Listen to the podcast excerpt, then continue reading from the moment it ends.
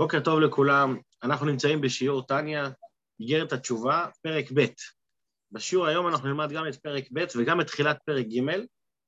היות שזה נושא אחד, אז הוא ממשיך, אנחנו נלמד אותו כבר ברצף. בפרט שזה שני שיעורים, ואתמול היה שבת. בשיעור, בשיעורים הקודמים דיברנו על העניין של מה זה תשובה. זאת אומרת, מה זה תשובה, מה הבסיס של התשובה על פי ההלכה, uh, וכמו שאמרנו, זה כן אומר, היא עזיבת החטא בלבד. זאת אומרת, יש לנו בתשובה את החלק של מה שנקרא לשוב, ויש את החלק שזה אה, אה, לכפר, שהכפרה אמנם היא חלק מהתשובה, אבל היא יותר נקראת שלמות התשובה. זאת אומרת שהיא לא מהבסיס של התשובה, אלא התפקיד שלה זה להיות, זה כבר לעשות שלמות הכפרה, לעשות שלמות הניקיון של האדם אחרי הלכלוך שהוא התלכלך. והתשובה עצמה, עצם התשובה עצמה זה התנועה של האדם שבו הוא מחליט שהוא עוזב את הכל, וכמו שהרחבנו בשיעור הקודם, שמה זאת אומרת עוזב את הכל, שמעכשיו, מעתה ואילך, הוא עושה את הכל מאלף עד תו כמו שצריך. זאת אומרת, זה הקב, הקבלה לאבא, זאת אומרת, מה שהוא מקבל על עצמו מכאן ו, ו, והלאה, זה לעשות את הכל.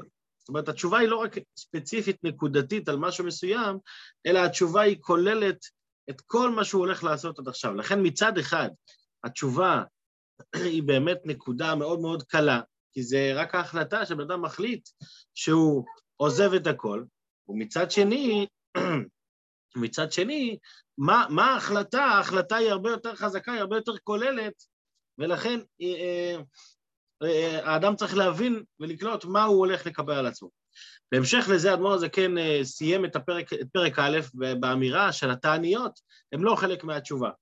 התעניות הן משהו נפרד מהתשובה. בהמשך לזה, אדמו"ר הזה כן אומר, התעניות הן לא לגמרי לא חלק מהתשובה, הבנו את זה בפרק הקודם שהן לא חלק, אבל אדמו"ר הזה כן אומר, עדיין יש שייכות בין צום לבין תשובה. ובפרק הזה הוא בא להסביר את זה, כי בסופו של דבר, נכון שזה לא חלק מהמהות העיקרית של התשובה, אבל זה כן חלק מהתשובה. באיזה עניין? נגיד שנייה הקדמה בעל פה, ואז נוכל ללמוד בפנים יותר קל. כשבן אדם עובר משהו מסוים, עובר עבירה מסוימת, רגע, שנייה אחת, אני הולך, יופי. לך לך נעימה. רוצה להגיד שלום? שלום.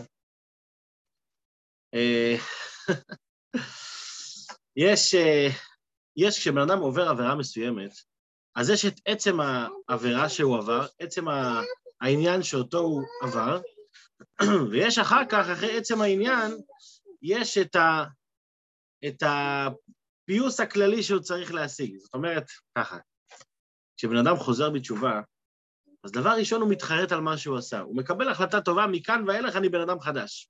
אני משהו יותר טוב. זה אחד. אבל עדיין לא בטוח שמי שפגעת בו, הוא כבר חזר, חזר, חזרו היחסים לאותו מצב כמו קודם. אתה צריך להפעיל איזשהו משהו חדש, כדי שבאמת המערכת יחסים ביניכם תעלה על דרך המלך. אפשר להביא משל לזה מסיפור, שהיה איזה ילד אחד שהיה מתנהג בפראות, בצורה, היה מרביץ כל הזמן, מרביץ, מרביץ ומציק. אבא שלו ראה שכבר הגיעו מים עד נפש וכבר המצב הוא על הפנים, אז הוא אמר לבן שלו, שמע, מעכשיו כל פעם שאתה מציק למישהו, כל פעם שאתה מרביץ למישהו, אני רוצה שתיקח את הלוח עץ הזה ותתקע בו מסמר כל פעם. כל פעם תתקע מסמר. ביום שאתה לא, שלא תקעת שום מסמרים, תבוא אליי. קיצור, ביום הראשון, הילד החליט, יאללה, בוא נלך על זה. תוקע מסמר, תוקע מסמר. קיצור, בסוף היום הוא רואה איזה עשרות מסמרים על הלוח.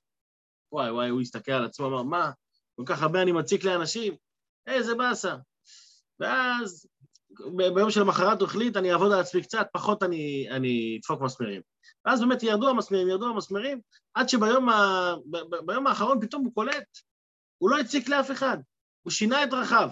עכשיו אין, אין, אין עוד מסמרים חדשים בלוח. הוא בא בשמחה לאבא שלו ואמר, אבא, תראה, סיימתי, היום, היום לא תקעתי שום מסמר בלוח. אז אבא שלו אומר לו, עכשיו אני רוצה שתלך לבקש סליחה מכל מי שפגעת בו, כל פעם שאתה מבקש סליחה, וסולחים לך, תוציא מסמר אחד. אז הוא הולך, ובאמת מתחיל לעבוד על זה. עד שביום האחרון סיים את כל המסמרים. אז הוא בא לאבא שלו ואומר, אבא, אתה רואה? אני הלוח ריק, אין מסמרים. אז אבא אומר לו, תראה אבל, תראה אבל איך הלוח נראה, תראה כמה חורים יש פה. נכון שכיפרת על המעשים, נכון ש, שאתה בסדר מבחינת המעשים שלך, אבל תראה כמה חורים עשית בלוח. אתה צריך, גם, גם את החורים האלה אתה צריך לתקן. עכשיו, מה, מה, מה הנמשל? הנמשל הוא שכשאתה עושה חטא מסוים, אוקיי, אתה צריך לכפר על החטא הזה, בשביל זה אתה, אה, אה, אתה, לא, אתה מחליט שאתה לא תוקע יותר מסמרים בלוח. אבל עכשיו, אחרי שאתה כבר לא תוקע מסמרים בלוח, הגיע הזמן להתחיל לתקן את מה שעשית על הלוח. במילים אחרות, התשובה אומרת לאדם, אני לא עושה יותר דברים רעים. בסדר, אין בעיה, אבל חוץ מזה שהתשובה אומרת, אני לא עושה דברים רעים, מה עם מה שעשית עד עכשיו? הגיע הזמן גם אותם לתקן. לכן חלק מהתשובה זה גם התיקון של הדברים האלה. והתיקון של הדברים האלה זה על ידי הצומות והתעניות, כמו שנראה בפרק ב'. אז בואו נצא לדרך, אני אשתף פה מסך, ונתחיל לקרוא את פרק ב' מבפנים. אך כל זה לעניין כפרה ומחילת העוון, שנמחל לו לגמרי מה שעבר על מצוות המלך. זאת אומרת, התשובה הזאת, כן, שאומרים שאתה שאתה בסך הכל מקבל על עצמך מכאן ולהבא לשנות את דרכיך, יעזוב רשע דרכו, זה, מוכר, זה, זה פותר אותך מכל מה שעשית, מזה שעברת על מצוות המלך, שעשה תשובה שלמה. ואין מזכירים לו דבר וחצי דבר ביום הדין לעונשו על זה. למה? כי נמחה לך. באמת, אתה לא... זה, אתה, אתה כבר לא בהגדרה של החוטא. חס ושלום. כן, וסליחה, ואין מזכירים לו דבר וחצי דבר ביום הדין לעונשו על זה חס ושלום, בעולם הבא, ונפטר לגמרי מן הדין בעולם הבא. מבחינת הדין, אתה יוצא זכאי, אתה בסדר גמור. אבל, אבל חוץ מלצאת זכאי, הגיע הזמן גם לבקש סליחה. זאת אומרת, חוץ מזה שאתה בסדר, ואף אחד לא יעניש אותך, אתה רוצה לשפר את מערכת היחסים בינך לבין אלוקים. אז מה עושים כדי לשפר את מערכת היחסים? אמנם, שיהיה לרצון לפני השם, הוא מרוצה וחביב לפניו כמו, יתברך כקודם החטא, להיות נחת רוח לעבוד, מעבודתו, סליחה, להיות נחת רוח לקונו מעבודתו, אז, אז כאן אתה כבר צריך משהו חדש. אם אתה רוצה לחזור לאותו מצב כמו שהיה קודם, הרי זה שמוחלים לך לא אומר שעכשיו אנחנו ביחסים טובים. אוקיי, מחלתי לך, אבל אנחנו, אתה רוצה לתחזק את המערכת בינינו? תעשה פעולה. אז מה היה בזמן בית המקדש? כשבן אדם היה חוטא ורצה לחזור ולהיות מרוצה לפני הקדוש ברוך הוא, היה צריך להביא קורבן. אז היום אין לנו קורבן. מה עושים במקום הקורבנות? זה התעניות. אז בואו נלך לפי הסדר. מה זה הקורבן? אז כדי להיות מרוצה כמו קודם החטא, היה צריך, אני קורא בפנים, היה צריך להביא קורבן עולה, אפילו על מצוות עשה קלה, שאין בה כרת ומיתת בית דין. זאת אומרת, גם מצוות אה, שהן לא חמורות כל כך, גם עליהן היה צריך להביא קורבן. למה? כי הקורבן הוא לא קשור לעצם הדבר, עצם הדבר שחזרת בתשובה בסדר, אבל הקורבן הוא קשור לחידוש מערכת היחסים. וחידוש מערכת היחסים זה לא רק בעבירות uh, קלות, כן? אתה, אתה, אתה, בא לבן, אתה בא לבן אדם ואתה אומר, תשמע, לא, לא הרגתי אותך, בסך הכל פצעתי אותך קצת, מה, אני צריך להביא לך מתנה? אז הוא אומר, אתה לא צריך להביא לי מתנה, נכון, אבל אתה רוצה שנהיה חברים, תביא לי מתנה. זה בעצם במילים אחרות. כמו שדרשו רבותינו, זיכרונה לברכה, בתורת כהנים על הפסוק, ונרצה לו. זה ונרצה לו? שעל ידי שבן אדם מביא קורבן, כתוב, ונרצה לו לכפר עליו. כדאית בגמרא פרק כמה דזבחים, הפרק הראשון של מסכת זבחים, דעולה, ש... שקורבן עולה מכפרת על מצוות עשה, והיא דורון לאחר שעשה תשובה ונמחה לו העונש. למה מביאים, יש, יש שני סוגי קורבנות, יש קורבן עולה וקורבן חטאת.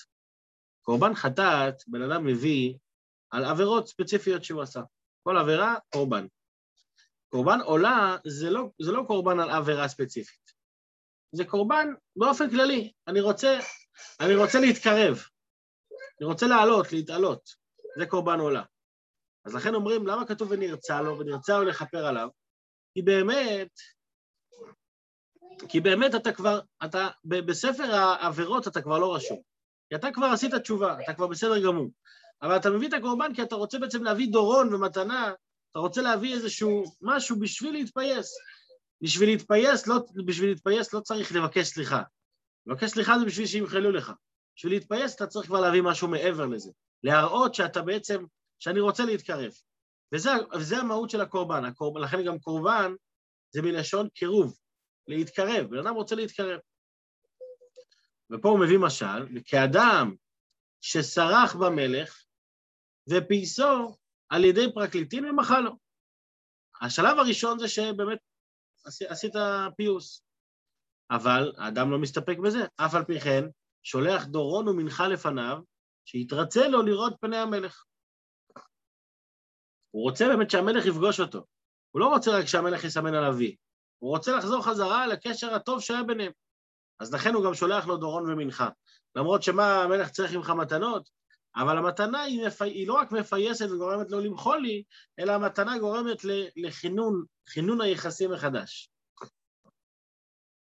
ולשון מכפרת, למה הוא משתמש בלשון מכפרת?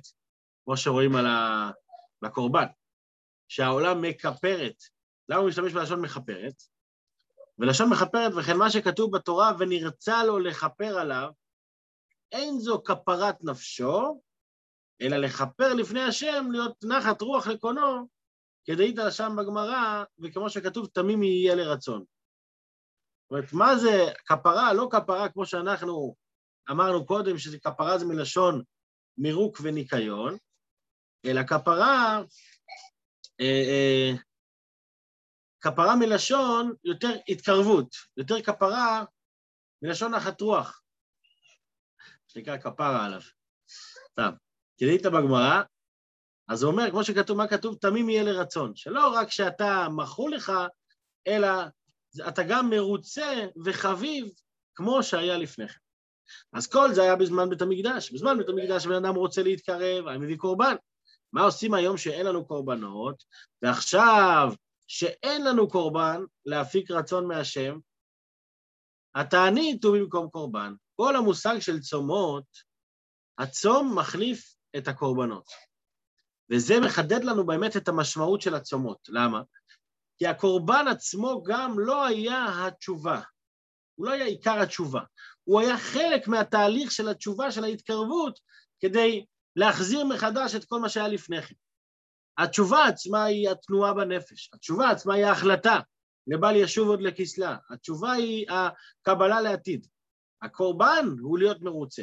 גם הצומות אותו רעיון. הצומות הן לא חלק ממהות התשובה, אבל הן כן חלק מהתשובה בעניין הזה של להתקרב ולחיות מחדש באותה רמה כמו שהייתי קודם. וזה בדיוק המצב היום כשאין בית המקדש. ועכשיו, עכשיו, למה באמת התענית מחליפה? למה באמת הצום מחליף את הקורבן? בגלל שצום, בצום מתבטא בעצם מה שקורה בקורבן. בקורבן, מה קורה? אתה לוקח בהמה, ואתה אתה שורף אותה, מקריב אותה על המזבח. בתענית, בצום, אני גם לוקח את הבהמה שבי ואני מקריב אותה. איך אני לוקח את הבהמה? כי על ידי שאני לא אוכל, אז אני... אז מתמעט אצלי הגשמיות בגוף. זה בדיוק כמו שאני קצת, כמו שאומרים, לשרוף קלוריות, כן? אז אתה, זה, זה כמו שרפת הקורבן, ככה אתה שורף מתוכך חלק כביכול מהגוף שלך.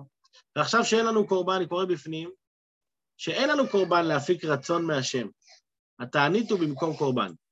כמו שכתוב בגמרא, שיהא מיעוט חלבי, חלבי ודמי, שנתמעט כאילו הקרבתי לפניך. בקורבן, בקורבן הגשמי היה חלב ודם, שזה בתוך הבהמה, אבל גם באדם עצמו יש חלב ודם, וכשאתה צם, אתה בעצם ממעט את החלב והדם שיש בתוכך. עכשיו אדמו"ר הזה כן מביא דוגמאות של אנשים, של, של תנאים ואמוראים, שהם באמת קיימו הלכה למעשה את המשמעות של, של הצומות האלה. חשוב להגיד בתור הקדמה קטנה למה שנקרא עכשיו, שהצומות שהם צמו היה על דברים שהם מה זה ממש אקסטרה. זאת אומרת, למה הוא מביא את הדוגמאות האלה? כדי שנבין שהצומות הם לא קשורים דווקא לחומרת המעשה שעשיתי, אלא הם קשורים לכמה אני רוצה להתקרב להשם. שזה, שזה נקודה מאוד חשובה. הבן אדם אומר לעצמו, שמע, עשית חטא כל כך חמור, אתה בטח צריך לצום הרבה ולהתענות. לא, לאו דווקא. הצום הוא לפי רמת ההתקרבות, ויכול להיות דברים שהם נמוכים יותר, דברים שהם לא, לא כל כך קריטיים כמו עבירות חמורות מאוד, ועדיין רואים שצ, שצמו עליהם מלא מלא תעניות. אז זה אפשר לראות בדוגמאות מתנאים ומוראים, אבל האדמו"ר הזה כן לא מכוון רק לתנאים ומוראים, הוא רוצה לכוון לכל אחד מאיתנו, להגיד, שמע, נכון שאתה לא בדרגה רוחנית כל כך גבוהה בשביל להתענות על כל דבר קטן, אבל לפחות כשתבין את זה, יהיה לך, יהיה לך איזושהי נקודת הבנה ושאיפה איך לתקן את המעשים שלך, שתבין לאן יש לשאוף. נכון שאנחנו לא בדרגה הזאת, אבל, אבל, אבל שנראה באיזה רמה אנשים היו מונחים. אז בואו נראה באמת את הדוגמאות שהוא מביא. הוא מביא אה, שלוש דוגמאות. ולכן, למה הוא מביא שלוש? אני אגיד את זה לפני ונראה את זה במילים. דוגמה אחת כנגד מחשבה, דוגמה אחת כנגד דיבור, דוגמה אחת כנגד מעשה. בואו נראה את זה בפנים. ולכן מצינו בכמה תנאים ואמוראים, סליחה, ולכן מצינו בכמה תנאים ואמוראים שעל דבר קל היו מטענים תעניות הרבה מאוד.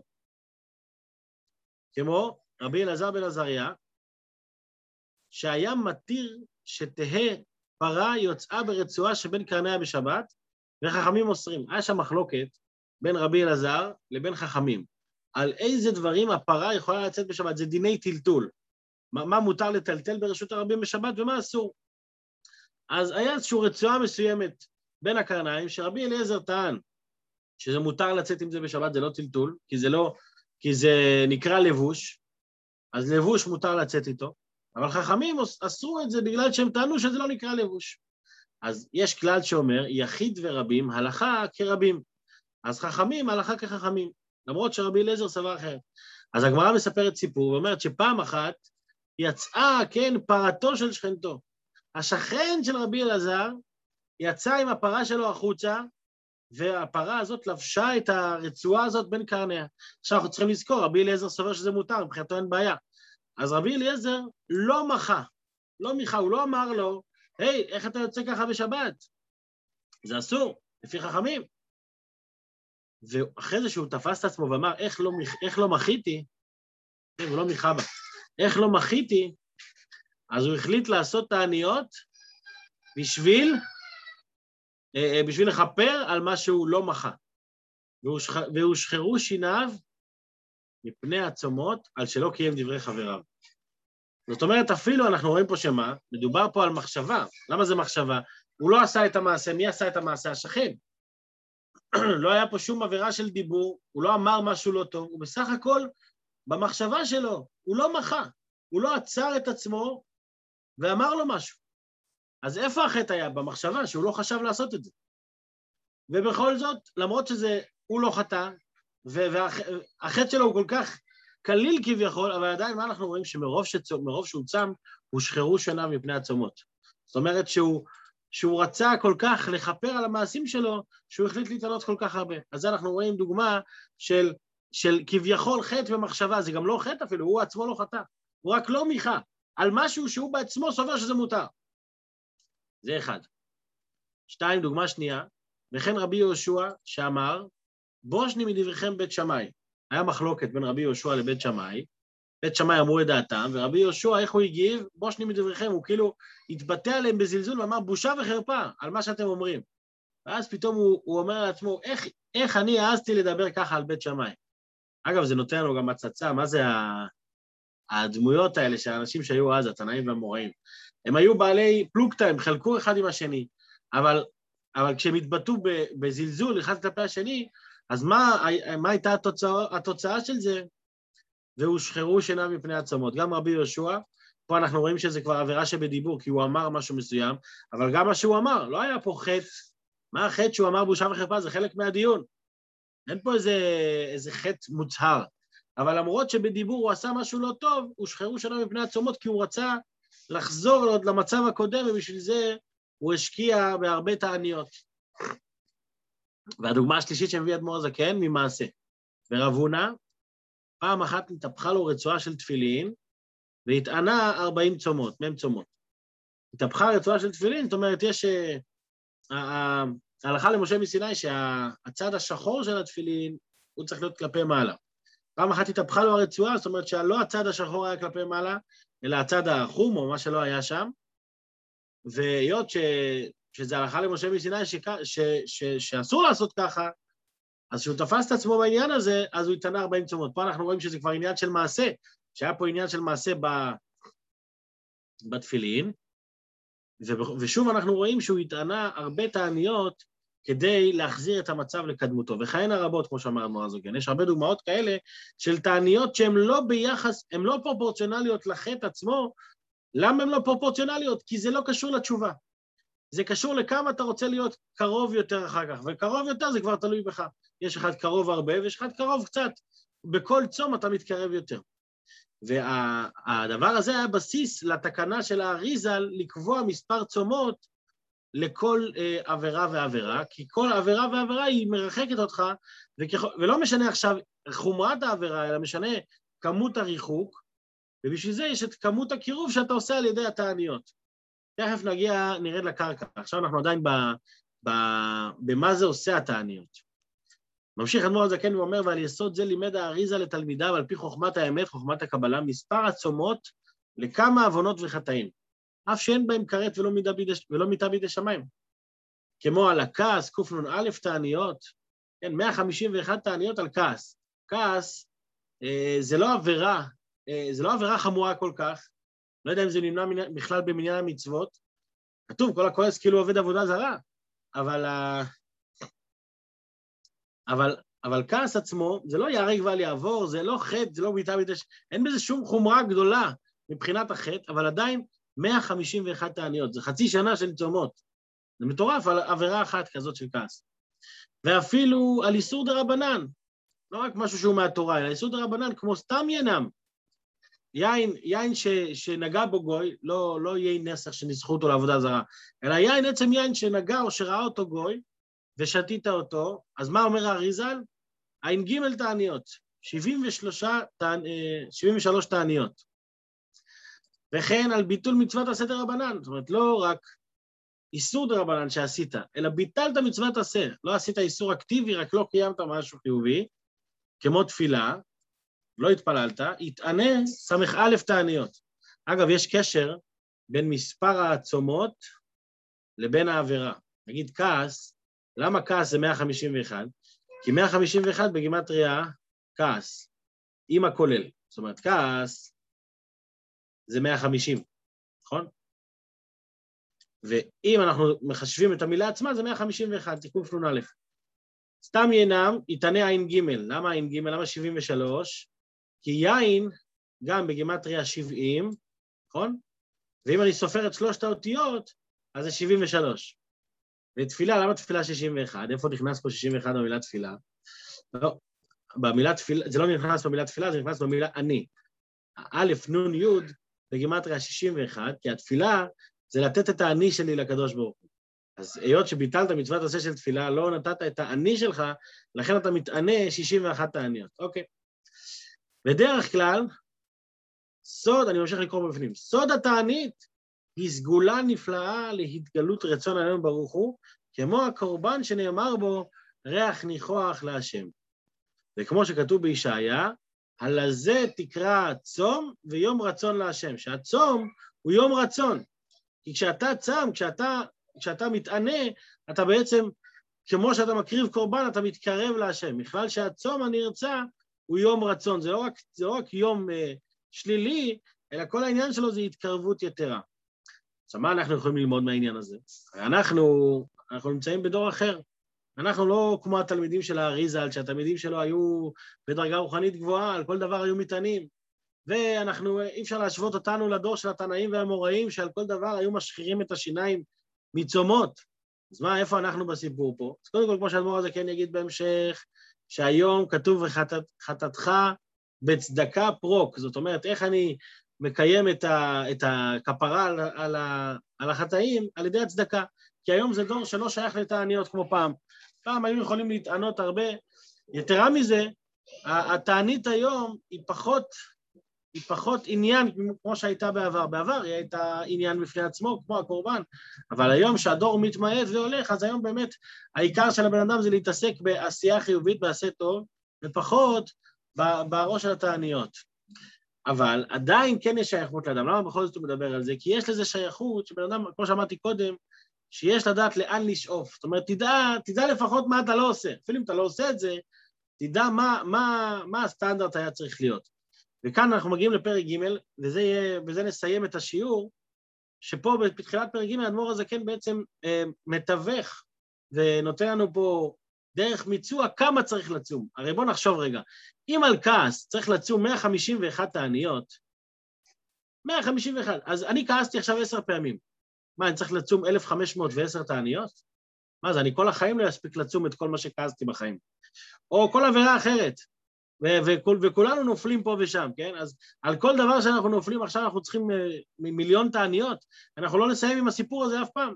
לכן האדמו"ר הזה כן מביא מחלוקת כמה צריך לצום.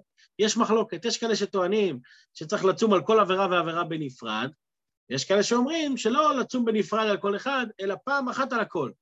האדמו"ר הזה כן מביא דרך המיצוע. בואו נראה. נקרא את זה בזריזות. פרק ג' והנה חכמי המוסר האחרונים נחלקו, סליחה, נו, נחלקו במי שחטא חטא אחד פעמים רבות. ויש אומרים שצריך להתענות מספר הצומות לאותו חטא פעמים רבות, כפי המספר אשר חטא.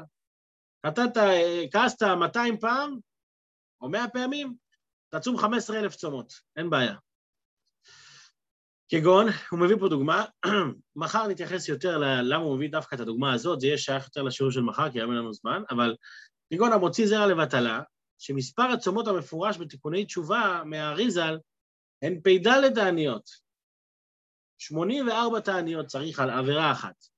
אז מה הוא אומר? אם חטא בזה 10 או 20 פעמים על דרך משל, צריך להתענות 10 או 20 פעמים פ"ד. כן? 840, או כפול 2, 1,700 וכולי, וכן לעולם. למה, למה ככה? כי הוא משווה את, את, את הצום לקורבן חטאת. כמו שאמרתי בפרק ב' שדיברנו, דומיה דקורבן חטאת, של קורבן חטאת אנחנו רואים שחייב להביא על כל פעם ופעם. אז בעצם, כמו חטאת, שאתה מביא את זה כל פעם, אז אתה צריך גם על, ה, על העבירה להביא על כל, כל עבירה ועבירה. ויש מדמין עניין זה לקורבן עולה. שמה זה קורבן עולה? הבעל מצוות עשה. שמה אמרנו על קורבן עולה? שעולה אחת היא בעצם מחזירה אותך לרצון לפני השם. שאפילו, אז מה, מה ההלכה שם על קורבן עולה? שאפילו עבר על כמה מצוות עשה, מתכפר בעולה אחת. כדאית בגמרא פרק כמה דזבחים. אז אם אני משווה את התענית לעולה, אז אני לא צריך, אני לא צריך על הכל, אני צריך על כל אחד פעם אחת. פעם אחת תענית, מכפר לי על כל מה שעשיתי עד עכשיו. מה ההכרעה? מה, מה דרך המיצוע? אומר אדמו"ר הזקן, ההכרעה המקובלת בזה להתענות ג' פעמים כפי מספר הצומות לחטא זה. כן, מה למשל, הוא מביא פה בעצמו את הדוגמה, דהיינו, רנ"ב 252 צומות על הוצאות uh, שכבת זרע לבטלה. למה? כי אם עשית מלא פעמים, אז בסופו של דבר, 84 כפול 3, 252, אז פעם, אז פעם אחת אתה צם, לא פעם אחת, אתה צם 252 צומות, וזה נותן לך כפרה על כל הפעמים שעברת. וכן בשאר חטאים ועוונות. למה שלוש פעמים? למה לא, למה לא פעם אחת ולמה לא מלא פעמים? והטעם הוא על פי מה שכתוב בזוהר הקדוש, סוף פרשת נוח, כיוון דחב בני נשה קמי קודשא בריחו, בגלל שיש חוב לאדם כלפי הקדוש ברוך הוא, זימנה חדה אביד רשימו, מה, מה קורה פה? בפעם הראשונה כשאתה עושה, אז אתה עושה רשימו, עושה רושם, זימנה תליטה, מה קורה בפעם השלישית? התפשט ההוא קיטמה מסיתרא דא לסיתרא דא כולי. זאת אומרת, בפעם השלישית שעשית עבירה מסוימת, אין הרבה הבדל בין פעם שלישית לפעם עשירית. למה? כי בפעם השלישית כבר זה התפשט לכל הכיוונים. איך אומרים? באופן אקספוננציאלי. ולכן אותו דבר, גם בכפרה של זה, גם בכפרה של זה שלושה, שלוש פעמים שאתה צם, אתה מגיע לאותה רמה של התפשטות. וכך צריך מספר צומות גם כן ג' פעמים וכולי. אז אנחנו רואים פה שבנוגע לכמות הצומות, גם הדמור הזה כן אה, נותנו פה הכרעה בעניין של כמה לצום, אבל שוב, למה הוא מתייחס לכל הדבר הזה? כדי להפוך את זה סוג, לסוג של פרקטי אלינו, כי הצום והתענית הם חלק מהתשובה, לא חלק מהותי, כמו שהבנו בפרק א', אלא הם חלק מהתשובה בעניין של הכפרה והחזרה למצב הנורמלי. אז כאן הדמור הזה כן נכנס לעניינים טכניים, בעזרת השם בהמשך, לאט לאט אנחנו הולכים ומתקדמים, הוא רוצה להסיר את כל החסמים שיש לנו בעניין של התשובה, ואז נוכל לדבר על התשובה לכשעצמה, איך היא במהות שלה, על פי חסידות ועל פי קבלה. שיהיה בינתיים לכולם, בשורות טובות, יום טוב, שבוע טוב, הצלחה רבה.